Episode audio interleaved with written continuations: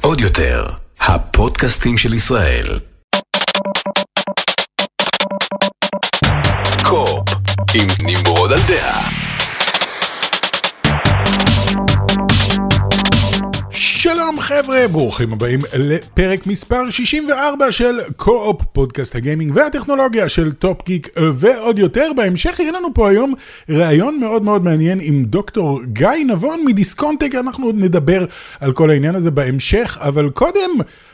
ה-VRR הגיע סוף סוף אה, לפלייסטיישן, הוא היה באקסבוקס כבר הרבה הרבה זמן, קודם כל יש אנשים שלא ממש יודעים על מה מדובר ב-VRR, ואני אומר כאילו, ייי, VRR הגיע, מה זה VRR? זה לא קשור ל-VR. ממש לא. אה, VRR זה משהו שנקרא Variable Refresh Rate, זה משהו שכל ה-PC Master Race קצת אה, מגחכים לעצמם, כי יש להם את זה בערך מ-2012, שקראו לזה G-Sync ו-V-Sync וכל מיני כאלה. Uh, אני, אני אנסה להסביר לכם מה זה אומר. Uh, חיכינו הרבה הרבה זמן שהעדכון הזה יגיע לפלייסטיישן 5, זה היה אחד מהדברים שהם פרסמו כשהם הצהירו על הפלייסטיישן 5, הם אמרו, יהיה לנו VRR, וכולם ייי, ואז כשזה יצא הם אמרו, יהיה לנו מתישהו בעתיד, עוד לא. אה, ואז הם הוציאו כזה את העדכון הזה לטלוויזיות שלהם, אבל עדיין לא לפלייסטיישן, אז זה לא עזר לאף אחד. בקיצור, עכשיו זה יצא סוף סוף. בואו נדבר טיפה על מה מדובר, ועשו כל מיני אנשים יותר חכמים ממני, עם יכולות יותר גדולות משלי, בדיקה לגבי אה, האיכות של ה-VRR הזה, ואני אסביר לכם אה, למה כדאי לכם או לא כדאי לכם להשתמש בו. אז, אז VRR, כמו שאמרתי, Variable Refresh Rate. מה זה אומר? זה אומר שעד היום, וגם... גם עכשיו בעצם, כשהקונסולה שלכם מחוברת לטלוויזיה, אה, אם אתם משחקים משחק ב-30 FPS, אז היא אומרת לטלוויזיה, היי, המשחק הזה הוא 30 FPS, תרענני את התמונה 30 פעמים בכל שנייה, ואני אשלח לך אה, 30 אה, תמונות בשנייה. אז הכל מסונכרן והכל נראה חלק ויפה, ואם זה משחק שרץ על 60 FPS, אז היא אומרת, היי, hey, תרענני את עצמך 60 פעמים בשנייה ואני אשלח לך 60 תמונות בשנייה והכל יוצא יפה ונחמד. הבעיה היא שברגע ש... שכל זה עובד טוב על הנייר, אבל ברגע שהפלייסטיישן נניח טיפה מגמגם או יש איזושהי ירידה קטנה בפריימים או אפילו עלייה קטנה בפריימים, פתאום זה יוצא מסינכרון. פתאום הטלוויזיה ממשיכה להוציא 60 פריימים בשנייה, אבל הקונסולה מוציאה רק 58 פריימים לשנייה, אז שני פריימים נאבדים שם איפשהו ופתאום יש מה שנקרא screen tearing, אה, שזה אומר שפתאום התמונה היא באמצע טיפה חתוכה כזה, וכל מיני אה, הפרעות כאלה שגורמות לתמונה להיראות הרבה פחות חלקה ממה שהיא באמת. VRR, כמו V-Sync וכמו G-Sync וכמו כל הדברים האלה, אה, בא לפתור את העניין הזה ואומר, היי, אה, טלוויזיה, קונסולה, מעכשיו אתם החוקיות, מעכשיו אה, הקונסולה היא זאתי שאומרת לטלוויזיה כמה פעמים בשנייה אה, לרפרש, ואז אם מספר הפריימים יורד, נניח ל-58 או אפילו 48, אז הקונסולה אומרת, רגע, רגע, אנחנו יורדים, בואי תרדי יחד איתי, אנחנו יורדים, והרפרוש, אה, בעצם מספר התמונות בשנייה, נשאר זהה בין הטלוויזיה לבין הקונסולה, ואז גם אם יש לך פחות פריימים בשנייה, זה עדיין נראה הרבה יותר חלק מאשר אם הטלוויזיה רצה על 60 והקונסולה רצה על 50. אה, אז זה מה שעדכון ה-VRR בא לפתור. יש כמה דברים שאתם צריכים לזכור. לא כל טלוויזיה תומכת ב-VRR, זה בעיקר הטלוויזיות החדשות יותר. אתם צריכים לבדוק בטלוויזיה עצמה אם היא תומכת ב-Variable Refresh Rate, אה, ואז כן, זה יכול לעבוד. לאקסבוקס, כמו שאמרתי, היה את זה מהיום הראשון של השקת הקונסולה, ולי בבית יש טלוויזיה שתומכת ב-VRR. עכשיו, היה לי דבר כזה, יש לי טלוויזיה של סוני, ובהתחלה אמרתי, אוקיי, אני נורא רוצה לראות איך עובד ה-VRR הזה, אבל הטלוויזיה של סוני עדיין לא קיבלה את, ה, את העדכון. ואז כשהטלוויזיה של סוני קיבלה את העדכון, אמרתי, יופי, אני יכול להיכנס לאקסבוקס ולראות סוף סוף איך ה-VRR הזה נראה. לא נראה שונה בהרבה. כל הקטע של הטכנולוגיה הזאת זה שלא תראו אותה. כל הקטע של הטכנולוגיה הזאת זה שבמקרה וירדו כמה פריימים, אתם לא תשימו לב לזה. זה לא פתאום גורם להכל להיראות הרבה יותר חלק, תכף נגיע גם לזה, כי זה כן, אבל עוד מעט נגיע לעניין הזה. אבל, אה, אז הייתי כזה טיפה מאוכזב, אמרתי, אה, אוקיי, מה גם... שהאקסבוקס Series X אה, מאוד טוב בלשמור על אה, מספר הפריימים שהוא אמור לשמור עליו. אם אתה משחק משחק שהוא על 60, אם תסתכלו על כל הסרטונים של דיגיטל פאונדרי, בדרך כלל רוב המשחקים בום, 60 חזק, קבוע ויפה. למה זה 60 חזק, קבוע ויפה? זה בגלל ש... טכנית, הקונסולה יכולה לעשות הרבה יותר מ-60 FPS, היא יכולה להגיע גם ל-90 FPS, אבל הטלוויזיה לא יכולה להגיע ל-90 FPS, אז הטלוויזיה על 60, והקונסולה מגבילה את עצמה ל-60, והכל עובד יופי. אה, גם אם יש ירידה קטנה בפריימים, זה יורד מ-90 ל-80, אתה לא מרגיש את זה באזור ה-60. למה אני מספר לכם את כל זה? כי מסתבר שאצל סוני זה קצת אחרת. ה-VRR של האקסבוקס עובד גלובלית על כל המשחקים. זאת אומרת, כל משחק שתכניסו, גם משחק אה, ישן, פשוט האקסבוקס והטלוויזיה מדברות ביניהן, ולפי מספר הפריימים בשנייה שהמשחק מוציא, ככה גם מספר הפריימים בשנייה שהטלוויזיה מציגה. זה עובד נהדר. העניין הוא שרוב המשחקים הם מוגבלים, עדיין, בגלל שבדור הקודם לא היה VRR, המשחקים מוגבלים ל... או 30 FPS או 60 FPS. זה יכול לצנוח מתחת, אבל זה לא יכול לעלות מעל. ואז מה שקורה זה שמשחק של 60 FPS רץ על 60 FPS ויופי, וזה הכל. סוני אה, אמרו, אוקיי, אנחנו מוציאים את, ה, את העדכון הזה. יחד עם זה אנחנו גם מודיעים לכל החברות שלנו אה, שמייצרות אה, משחקים שהם אה, אקסקלוסיביים לסוני, אנחנו אומרים להם, היי, hey, יוצא העדכון ל-VRR, אם בא לכם לעשות משהו עם זה. אז כמובן שהראשונה להתייצב הייתה אינסומניאק, שכאילו היא התלמיד המצטיין של סוני, שאמרו, היי, אנחנו נעשה משהו עם כל המשחקים שלנו, שזה ראצ'ט אנד קלנק, ריפט אפארט קראו לזה, אני חושב, כן, ריפט אפארט זה היה uh, uh, לפלייסטיישן 5, וספיידרמן ומיילס מוראלס, את המשחקים שלהם, אמרו, אוקיי, אנחנו עושים עדכון VRR, שמה הוא עושה? הוא אומר, אוקיי, אנחנו כבר לא צריכים שום הגבלה. זה כבר לא יושב על 30 FPS או 60 FPS, פתחנו את זה כדרך קסם. מה שהקונסולה מסוגלת להוציא, זה מה שיראה על המסך, וגם הטלוויזיה תוכל להציג את זה. בעיקר טלוויזיות שתומכות ב-120 120 אה, הרץ, שזה בעצם 120 פריימים לשנייה, שזה המספר החדש, זה ה-60 החדש. ה-60 פריימים החדש לשנייה זה 120 פריימים. אני נורא הופתעתי כשנכנסתי לספיידרמן, איך שיצא העדכון של ה-VRR. התקנתי אותו ואמרתי יאללה בוא ניכנס, לא יודע, לספיידרמן זה היה אוטומטית כי תמיד יש לי אותו מותקן כי אני תמיד אוהב להיכנס פנימה לעשות קצת swinging ונכנסתי ל setting ופתאום אני רואה שב setting של ספיידרמן מופיע אופציה ל-120 פריימים בשנייה ואני כזה, ש... רק שנייה, זה ספיידרמן עם ray tracing ב-120? what? ואז הרצתי את זה, ו oh my god, זה כל כך חלק. ואמרתי, מה, ספיידרמן רץ עכשיו עם ray tracing על 120 FPS? מה קורה פה? What kind of magic is this? איך אתם עושים את זה אינסומניאק? אז אחר כך חיכיתי כמה ימים, ובאמת דיגיטל פאונדרי וכל מיני כאלה הוציאו את הניתוחים שלהם. ומה שדיגיטל, מה שאינסומניאק עשו זה אמרו, אוקיי, ספיידרמן, אוקיי, פלייסטיישן 5, רוצו הכי חזק שאתם יכולים, הכי מהר שאתם יכולים, והטלוויזיה והפלייסטיישן יסתנכרנו ביניהם, וזה יהיה חלק, וזה באמת חלק, הוא לא מגיע בהכרח ל-120, לפעמים הוא כן מגיע ל-120 FPS, ושם הוא עוצר, כי גם הטלוויזיה לא יכולה להציג יותר מ-120 כרגע. אמ, מה שקורה זה שהוא מגיע, אה, אוקיי, היו שתי אופציות, או, אתם יודעים, 4K עם רייט רייסינג ב-30 FPS, זה היה בהתחלה, בהתחלה, 4K ray tracing 30 FPS, או אה, היה אה, 1080 כזה, בלי ray tracing ב-60, אחר כך הם עשו 1080 עם ray tracing ב-60. עכשיו מה שקרה כשהם פתחו את זה, זה שה... 4K עם ray tracing שהיה מוגבל ל-30, פתאום רץ על 40, 50, לפעמים אפילו נושק ל-60. אז פתאום הפלייסטיישן 5 מראה מה הוא באמת יכול לעשות, וזה הוא באמת יכול להריץ 4K עם ray tracing, אתם יודעים, עם הכל, הגרפיקה במלוא הדרה, הוא יכול להגיע ל-60 FPS, הוא פשוט לא יכול להישאר יציב על 60 FPS, שכמו שאמרנו, לפני זה זה היה בעיה, עכשיו זה לא בעיה, עכשיו גם הטלוויזיה יורדת יחד עם, ה- עם הפלייסטיישן, וגם אם זה יורד לאזור ה-40 FPS, זה עדיין רץ יפה. לא כל כך מומלץ לעשות את זה אבל, ותכף אני, לא, אני אגיד לכם כבר עכשיו למה לא מומלץ לעשות את זה, כי זה יפה שהוא מצליח להגיע לשם, רוב הזמן הוא יורד אה, לאזור ה-40, 40, ההגבלה של ה-VRR כרגע היא 48 פריימים לשנייה, זה הכי נמוך. ברגע שזה יורד מתחת ל-48 אה, פריימים לשנייה, הוא פשוט מכבה את ה-VRR, ואז זה אוטומטית יורד ל-30, ואז פתאום כשהוא מרגיש שהוא יכול להגיע ל-50, אז הוא מפעיל את ה-VRR וזה קופץ חזרה, ובקיצור, זה עושה שם קצת בעיות. אז זה לא כזה מומלץ לעשות את ה-Fidelity Mode עם VRR. את ה-performance mode או performance אה, עם ray tracing, holy shit כדאי.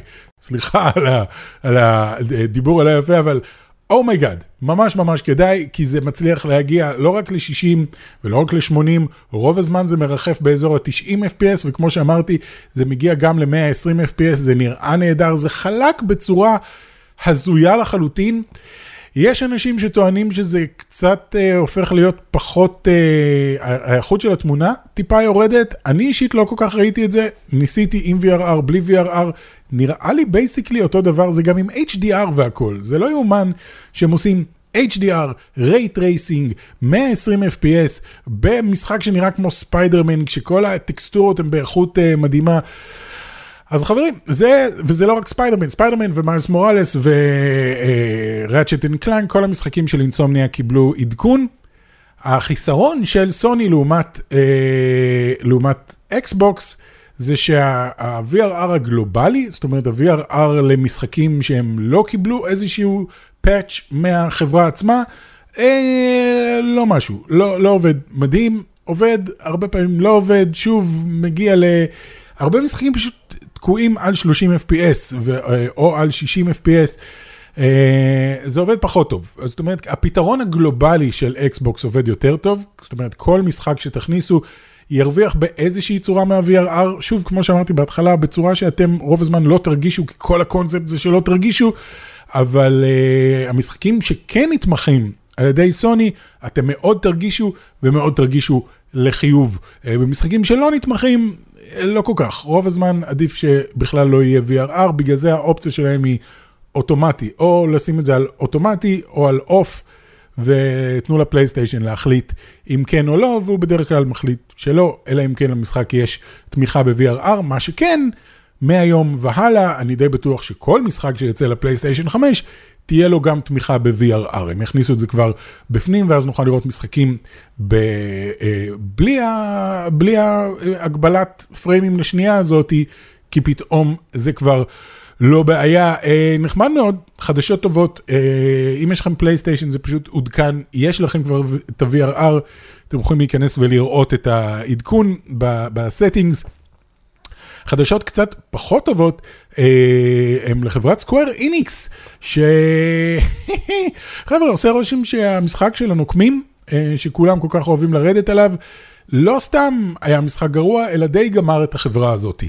סוג של, זה דרך קצת אה, צרה להסתכל על העניין, אבל סקוויר איניקס מכרו את אה, כל חברות, כל אה, אה, חברות הפיתוח שלהם, את כל, סליחה, אולפני הפיתוח שלהם המערביים, יש להם אולפני פיתוח במזרח, שעושים פיינל פנטזי וכל מיני כאלה, אלה בסדר גמור, הם מרוויחים הרבה, הרבה מאוד כסף ויש להם הצלחות מאוד גדולות. האולפנים אה, המערביים שלהם, שזה, אה, אני לא זוכר, סקוואר איניקס ואיידוס מונטריאול ולא זוכר כאלה, בעיקר מי שפיתח את טומב ריידר ודאוס אקס ואת אה, הנוקמים וגרדיאנס אוף דה גלקסי, כל אלה נמכרו. לחברה בשם, רגע, אמברייסר. חברה בשם אמברייסר, חברה שוודית בשם אמברייסר, קנתה אותם אה, ב-300 מיליון דולר, שזה נשמע מצד אחד הרבה, מצד שני אתה אומר, רגע, מה 300 מיליון דולר? לא מכרו עכשיו את בליזארד ב-70 מיליארד דולר? כן, מכרו את בליזארד ב-70 מיליארד דולר, רוב החברות האלה נמכרות במיליארדי דולרים, הם מכרו שלושה אולפני פיתוח ב-300 מיליון דולר, שזה מעט. מאוד. Uh, העניין הוא כזה, uh, לפי דיווחים, uh, גם Guardians of the Galaxy וגם הנוקמים uh, גרם להם להפסדים מאוד מאוד גדולים של 200 מיליון דולר, זה היה ההפסדים שלהם משני המשחקים האלה. Guardians of the Galaxy התקבל באופן מאוד מאוד חיובי יחסית. אה, רוב המבקרים נתנו לזה ציונים ממש טובים, אני בחרתי את זה כמשחק השנה שלי, אה, אני עדיין חושב שזה המשחק הכי טוב אה, בשנה הזאת, הוא היה משחק נהדר ואחר כך שיחקתי אותו עוד פעם ועוד יותר נהניתי. לצערי הוא לא היה להיט ענקי והוא לא נמכר. בטירוף, למרות שאנשים אמרו עליו דברים מאוד טובים, אבל בעיקר הבעיה הייתה עם הנוקמים, שהיה כישלון מחריד, ו... ואנשים ממש אוהבים לשנוא את המשחק הזה. שני המשחקים האלה הפסידו להם 200 מיליון דולר, אז הם החליטו למכור את כל ה-IPs שלהם אה, ואת כל המשרדי פיתוח, את כל החברות פיתוח שלהם. תמורת 300 מיליון דולר כדי לכסות על ההפסד של ה-200 מיליון ולקבל עוד 100 מיליון. וזה לא בדיוק שהמשחקים האלה הרגו אותם, מסתבר שהם תכננו בכל מקרה אה, לעשות שינוי כיוון, הם לא רוצים יותר לפתח משחקים, הם רוצים לעבור לבלוקצ'יין ו-AI ו-Cloud, שירותי ענן, זה נשמע כאילו שהם רוצים לעבור לבאזוורדס. טוב, אני מתפלא שהם לא אמרו גם מטאוורס בתוך כל העניין הזה, אבל הם החליטו שהם הולכים להשקיע בקריפטו קרנסי ולהשקיע ב-AI ושירותי ענן. אוקיי, אז הם כבר לא הולכים להיות חברת משחקים, הם אה, כאמור מכרו את עצמם לאמברייסר השוודית. מה זה Embracer? Embracer אה, זה מין אה, תאגיד כזה שקונה חברות אחרות. כל חברה שנראה להם שהם יכולים לקנות במספיק כסף כדי לעשות מהם אה, קצת יותר כסף, אז הם קונים אותם. רשמתי לעצמי, יש להם... אה, וואו, לא, לא רשמתי, יש להם כל מיני חברות אה, גיימינג, כמו Gearbox אה, ו-THQ Nordic, אה, ויש להם גם את אה, חברת הקומיקס Dark Horse, שאני אישית מאוד אוהב אותם. יש Marvel, DC, Dark Horse Image כאלה, יש את הפחות אה, חזקים, Marvel ו DC תמיד היו כאילו השתיים הגדולות, לא תמיד, אבל הם, הם היום השתיים הגדולות, ויש את Dark Horse ואת Image Comics ועוד כל מיני חברות, אז, אה, הם, אז Dark Horse מסתבר שייכים להם, כמו גם חברות שעושות משחקי לוח. בקיצור, הם, הם קונים כל מיני דברים הם, אה, מכל מיני מקומות, אה, כל מה שהם חושבים שבסוף אה, בגלובלי יעשה להם כסף. אז אה, זאת החברה. שקנתה אותם. נקווה שהם מעוניינים לתת לחברות האלה להמשיך לעבוד, כי זה לא שפיטרו את כל העובדים של Eidos Montreal וכאלה, אה, ו Square Enix, אה, לא זוכר איך קוראים להם, אה, הם, אני יודע שהם כן עובדים. על עוד Tomb Raider, ואני מתאר לעצמי שהם ימשיכו לעבוד על אותו Tomb Raider, שגם Tomb Raider, אגב, לא היה הצלחה אדירה, הוא נחשב טוב, ומציגים אותו כאיזושהי הצלחה אדירה. בפועל, גם מבחינת הביקורות וגם מבחינת אה, המכירות, אה, זה בסדר. זה, זה לא משחק מדהים, זה לא משחק שמכר המון. רוב האנשים מאוד מאוד אהבו את מה שעשו עם Lara Croft אחרי מה שעשו איתה ב nineties. קצת עשו שינוי של הדמות ורוב האנשים מאוד תמכו בזה. המשחקים עצמם אה, אני, אני חייב להגיד שאף אחד מהם לא סיימתי עד הסוף. את הראשון סיימתי בסוף עד הסוף? אני לא זוכר. אני חושב שאולי כן סיימתי אותו כי הכרחתי את עצמי. אני זוכר שהוא היה כזה, אוקיי, והשני היה כאילו, היי, לא משהו, והשלישי ממש לא אהבתי כבר. אבל כן עובדים על עוד אחד, ואני חושב שעובדים גם על עוד דאוס אקס, ויש להם עוד כל מיני דברים. אז החברות עצמם לא נעלמו לחלוטין, אבל uh, נמכרו, uh, זה מעניין, דבר מעניין מאוד שקרה שם, ויש הרבה מאוד, אה, הרבה מאוד, הרבה מאוד קניות ורכישות ומכירות בעולם המשחקים, כי חבר'ה, זה עולם שעושה הרבה מאוד כסף, אנחנו נגיע לכמה כסף, אה, כמה כסף זה עושה וכמה אנשים משחקים. אנחנו נגיע לזה בריאיון שעשיתי עם אה, דוקטור גיא נבון, אבל לפני זה בואו נדבר על מה חשבתי על נינטנדו סוויץ' ספורטס, הנה, יש לי אותו פה. Nintendo Switch Sports, אה, כולם מכירים את Wii Sports. Wii Sports היה תופעה לא נורמלית. כשהווי יצא, הסיבה שכולם קנו את ה Wii זה בגלל ה Wii Sports. המשחק Wii Sports הגיע ביחד עם ה Nintendo Wii, כשקנית Wii קיבלת את ה Wii Sports, וזה היה basically המשחק היחידי שכולם שיחקו כל הזמן.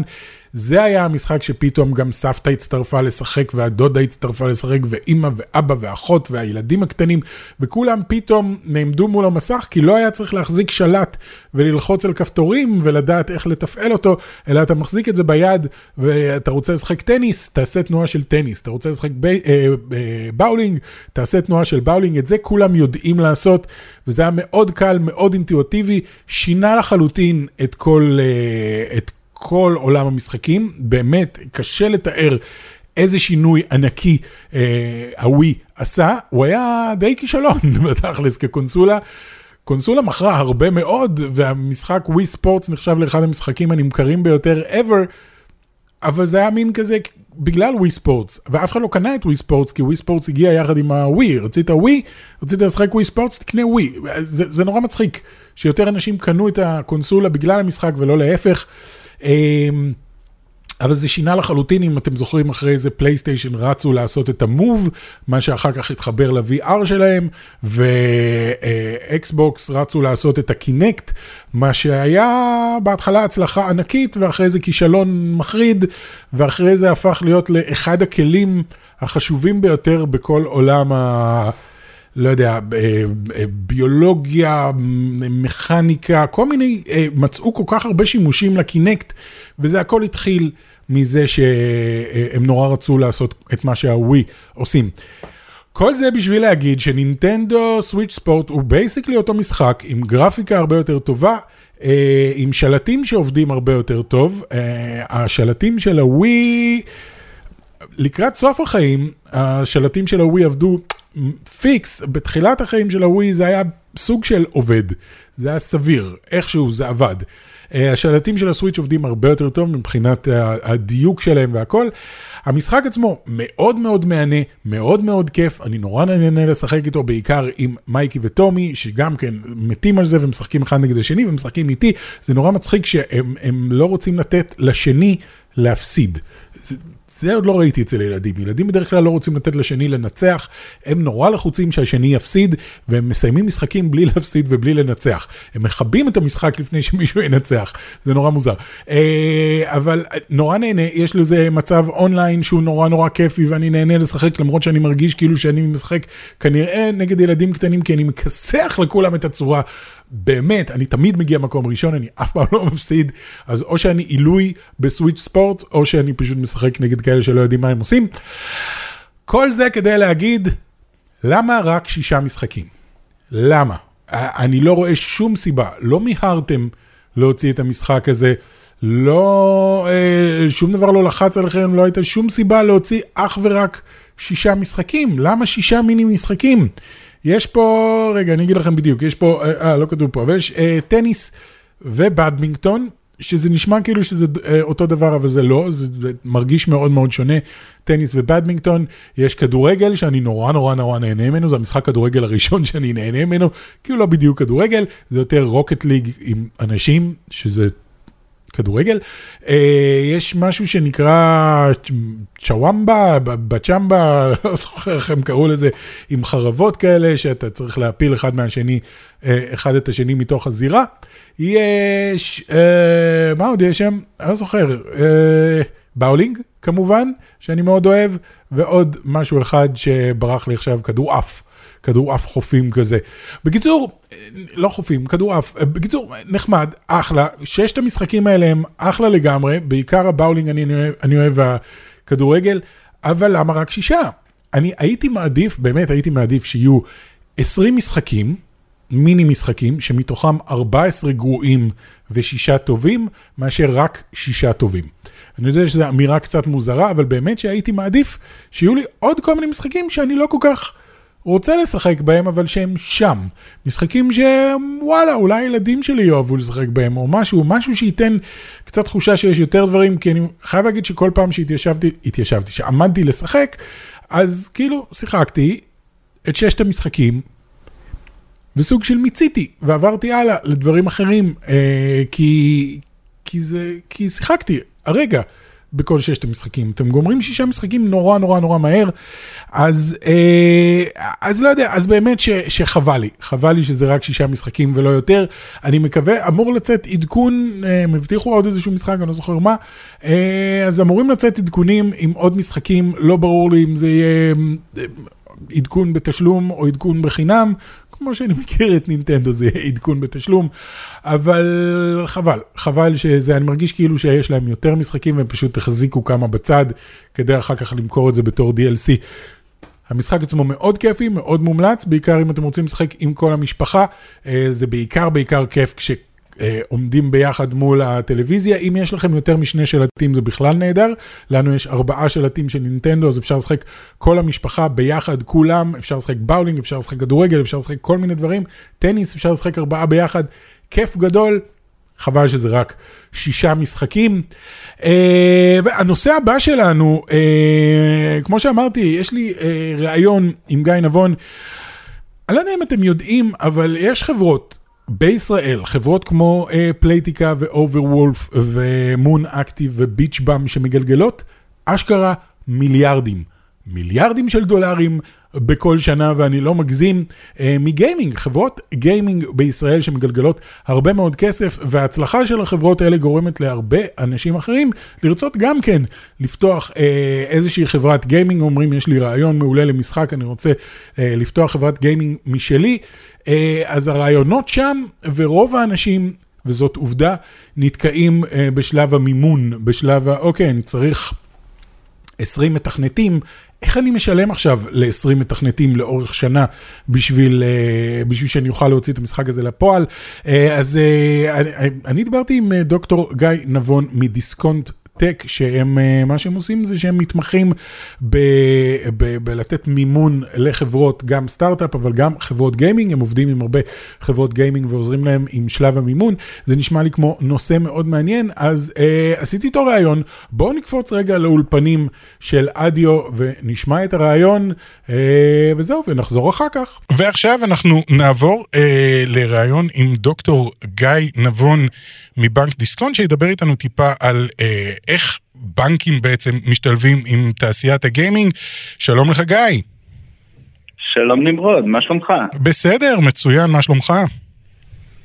נהדר, אני ממש שמח על ההזדמנות להשתתף בפודקאסט שלך. אה, תודה, תודה. אוכלוסיית השומעים שלו היא גדולה והיא בול אוכלוסייה שאנחנו אה, מאוד מאוד שמחים לתת לה שירותים. זהו, מצער, אני באמת רוצה לדעת איך, איך אנחנו, איך בנק מתקשר לתעשיית הגיימינג, אבל בוא קודם נדבר טיפה קצת על עצמך, תספר לנו בקצרה על הרקע שלך, איך הגעת לבנקאות וכל הדברים האלה. אמ, אוקיי, דוקטור גיא נבון, נשוי עם שלושה ילדים, אני בן 47, אני בכלל לא הגעתי מהרקע של אה, בנקאות המסורתית, אה, עבדתי בבנק ישראל, התעסק, עשיתי את הדוקטורט שלי במקרו-כלכלה, אה, עם אמפסייז אמפירי על ביג דאטה, okay. אוקיי. שהתעסק בכלל בעולמות ההייטק, אבל מכיוונים אחרים לגמרי, על פריון העבודה בענף ההייטק וה diversity. והייתי, הצגתי את בנק ישראל בוועדת טרכטנברג ב-2011, מי שזוכר, אה, מחאת הקוטג', כן. שם שלי קצת היה בכותרות, וקיבלתי הצעת משרה אה, מבנק דיסקונט לנהל את המחלקה הכלכלית. שאם תשאל אותי ב-2011 מה, מה ידעתי על בנקאות או על uh, אשראי, לא ידעתי כלום, אבל uh, אני בן אדם שלומד מהר. כן, למדת על הדרך. הבנקאות, בדיוק, לומדים על הדרך, אני חושב כמו בהרבה תחומים אחרים, והתאהבתי. הבנק הזה הוא בנק uh, מדהים, uh, בנק של אנשים, בנק שמתאים את עצמו ללקוחות, וכמו שאמרתי קודם, זה באמת אמיתי, התאהבתי בבנק הזה. ואתה בעצם עובד במשהו שנקרא דיסקונט טק, אתה יכול להסביר לנו בדיוק מה ההבדל? בדיוק. לפני שנה וחצי, כן, לפני שנה וחצי הקמנו את דיסקונט Tech. דיסקונט Tech זה מערך השירות של הבנק, הוא יושב בחטיבה העסקית ונותן שירותים לחברות הייטק, בין היתר חברות גיימינג, אבל לא רק חברות גיימינג, זה יכול להיות כל חברה בתחום הייטק וסטארט-אפ, אנחנו מדברים חברות משלב ה seed בכלל, אפילו pre-seed, עד חברות hyper growth. כל השלבים האלה, הם כן. בהתחלה צריכים שירותים מאוד מאוד בסיסיים, וככל שהחברות האלה צומחות וגדולות, הם צריכים שירותים בנקאיים יותר מורכבים. וההבדל בעצם בין דיסקונטק לבין ללכת לסניף רגיל, זו אותה התמחות, שזה סניף ייעודי שמטפל רק בחברות הייטק, והוא כן. מכיר רק חברות הייטק ואת כל השפה וההתנהלות שלה. זאת אומרת שמגיעה חברה עם קאפ טייבל, עם משקיעים, עם SPA שצריכה לקבל כספים מחו"ל, זה מה שאנחנו עושים מהבוקר עד הערב. ולכן הדברים עובדים ומתקתקים כמו שצריך, ההתמחות הזאת וגם תתי התמחויות בוורטיקלים שונים, אפשר לתת שירות שהוא מיטבי.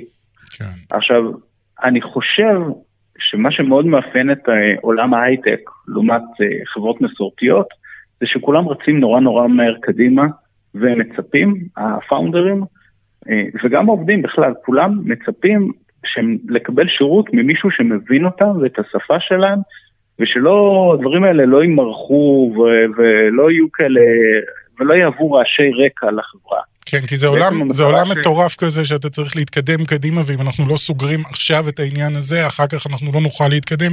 זה לא כמו נניח לקחת משכנתה או משהו כזה, זה... אז הם צריכים אנשים ממש. שידברו בשפה הזאת ויבינו גם את, ה... את המכשולים בעצם שעומדים מולם. איך, איך זה מתקשר לגיימינג? אני יודע שכאילו תעשיית הגיימינג, ב... לא רק בשנים האחרונות, כבר די הרבה זמן, היא אחת התעשיות הגדולות. בעולם, אני יודע ש-176 מיליארד דולר זה היה סכום שתעשיית הגיימינג עשתה בשנת 2021, וזה יותר מתעשיית המוזיקה ותעשיית הקולנוע ביחד, ואומנם תעשיית הקולנוע קצת מתה ב-2021, אבל עדיין זה כבר שנים אה, אחת התעשיות הגדולות. וגם פה בארץ אני יודע שיש חברות אה, גיימינג שסוף סוף מגלגלות אשכרה מיליארדים, אז, אז בוא תספר לי איך, איך החלטתם באמת ליצור קשר עם, אה, עם חברות הגיימינג האלה ולהציע להם את מה, ש, את מה שהן צריכות. אז האמת שההשוואה שנתת היא השוואה בעיניי מדהימה, כי בסופו של דבר אנחנו רואים את עולם הגיימינג, תחום הגיימינג, כתחום של entertainment, social entertainment, בדיוק כמו קולנוע, בדיוק כמו שבן אדם יושב וצופה בנטפליקס או בהולו, אה, הוא יושב אה, ומשחק במשחק, זה לא משנה איזה משחק, מאיזה משחק. כן. אה, אבל זה entertainment, זה entertainment שהילדים שלנו עוד 10-15 שנים כנראה יצפו פחות במהדורת החדשות בשעה 9, ויצפו פשוט וייחשפו בעיקר דרך גיימינג, זה ה entertainment החדש. כן, המטאוורס. לגמרי, כן. לגמרי, בייחוד המט, המטאוורס בהחלט אה, תופס תאוצה, עדיין בחיתולים, אבל מתקדם mm-hmm. יפה מאוד. עכשיו, אותו entertainment בעבר לא נתפס כל כך בנקאי, ובנקים היו מאוד מאוד מתקשים להבין אותו ולממן אותו וללוות אותו, כן. אבל בסופו של דבר הוא אחד הוורטיקלים שהוא צרכני אשראי מאוד מאוד גדולים.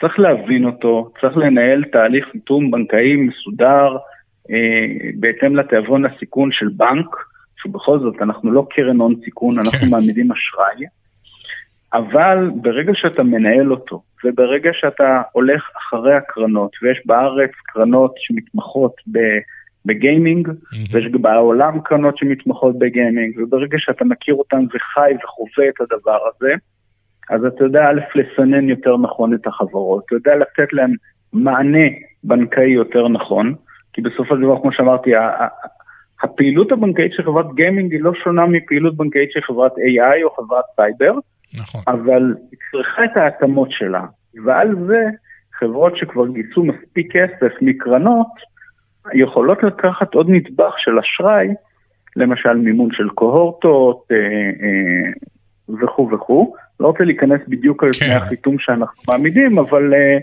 אני חושב שבסך הכל זה תחום שהוא מאוד מעניין, אני חושב שגם החברות והיזמים, יש היום הרבה מאוד יזמים של second timer, ושבאו מחברות גדולות והם מבינים היום את השפה הבנקאית והעסקית יותר טוב, ושני הצדדים מבינים אחד את השני יותר טוב, והקרנות, ברגע שיש קרנות שמתמחות, הן מתווכות יותר טוב את החברה לבנק ואת הבנק לחברה, ונוצר פה ecosystem שתומך אחד בשני. כן. אנחנו באים אחרי הקרנות, אנחנו עוזרים לקרנות, מלווים את החברות ואת הקרנות, וביחד יש פה ecosystem שהוא שלם ובריא יותר, מאפשר באיזשהו שלב, אחרי עוד פעם, אחרי שהחברות מגייסות מספיק כספים מקרנות, אז הן יכולות גם לגוון את מקורות המימון שלהן ולקחת גם חוב בנוסף לאקוויטי. כן.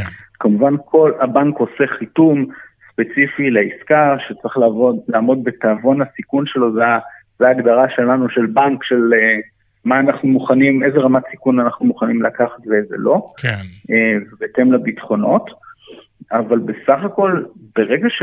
ומה שצריך לזכור עוד בתחום הזה, שהוא קצת מאפיין אולי גם את עולם הפינטק, שחברות גיימינג עשירות בנתונים ב-high frequency. שזה אומר? האלה, מה זה אומר? זה אומר שחברה אה, סייבר לצורך העניין, חברת AI, אני מקבל נתונים בתדירות מסוימת. חברות פינטק אני יכול לקבל נתונים בתדירות הרבה יותר גבוהה, והנתונים עשירים הרבה יותר, הרי רובם פועלים בסופו של דבר במודל של B2C, Business to Customer. כן. יש להם עשרות אלפי או מאות אלפי או מיליוני משתמשים, ואפשר לקבל סטטיסטיקה שהיא עשירה יותר, מדויקת יותר, ואם יש איזה אירועים שהם קצת יותר חולשה, מזהים אותם מהר יותר, מה שנותן לבנק את הנוחות. אה, וזה הרבה יותר טוב בהיבט הניהול הסיכון, או במידה מסוימת בניהול הסיכון, לעומת חברות שפועלות במודל של B2B, שאז יש פחות אה, אה, לקוחות ממול, כן. עם שונות ביניהם, אז יש מידע שהוא נותן לנו אינדיקציות יותר טובות או יותר מהימנות למצב החברה. מה, מה בעצם, אה, מה הערך המוסף שלכם? מה אתם בעצם, איך אתם עובדים עם, עם חברות הגיימינג ו, וכאילו, ב, איך זה שונה מ, מחברות, נניח הייטק אחרות שעושות, אה, לא יודע, באמת כמו שאמרת, AI או מפתחות תוכנה גדולה או משהו כזה, יש איזשהו הבדל בדרך שבה אתם אה, עובדים מול חברות גיימינג? אז אני, אני אחדד את זה. בסופו של דבר, הערך המוסף הבנקאי לחברות הגיימינג הוא שני דברים. אחד, אנחנו בונים פה ורטיקל שמכיר ו- ומתמחה בגיימינג. זאת אומרת, יש לנו בנקאיות שזה מה שהן עושות, עושות רק חברות גיימינג. כן. וכל בנקאית כזאת מלווה את החברה כ-one stop shop. נותנת לה מענה מלא, מתוך אותה מטרה, כמו שאמרנו בהתחלה, להוריד את רעשי הרקע כדי שהיזמים יוכלו לרוץ ולשנות את העולם. ויוכלו לעשות את מה שהם באמת מבינים בו הכי טוב, שזה אה, פיתוח מוצרי גיימינג, אה, משחקי גיימינג. כן. זה דבר אחד.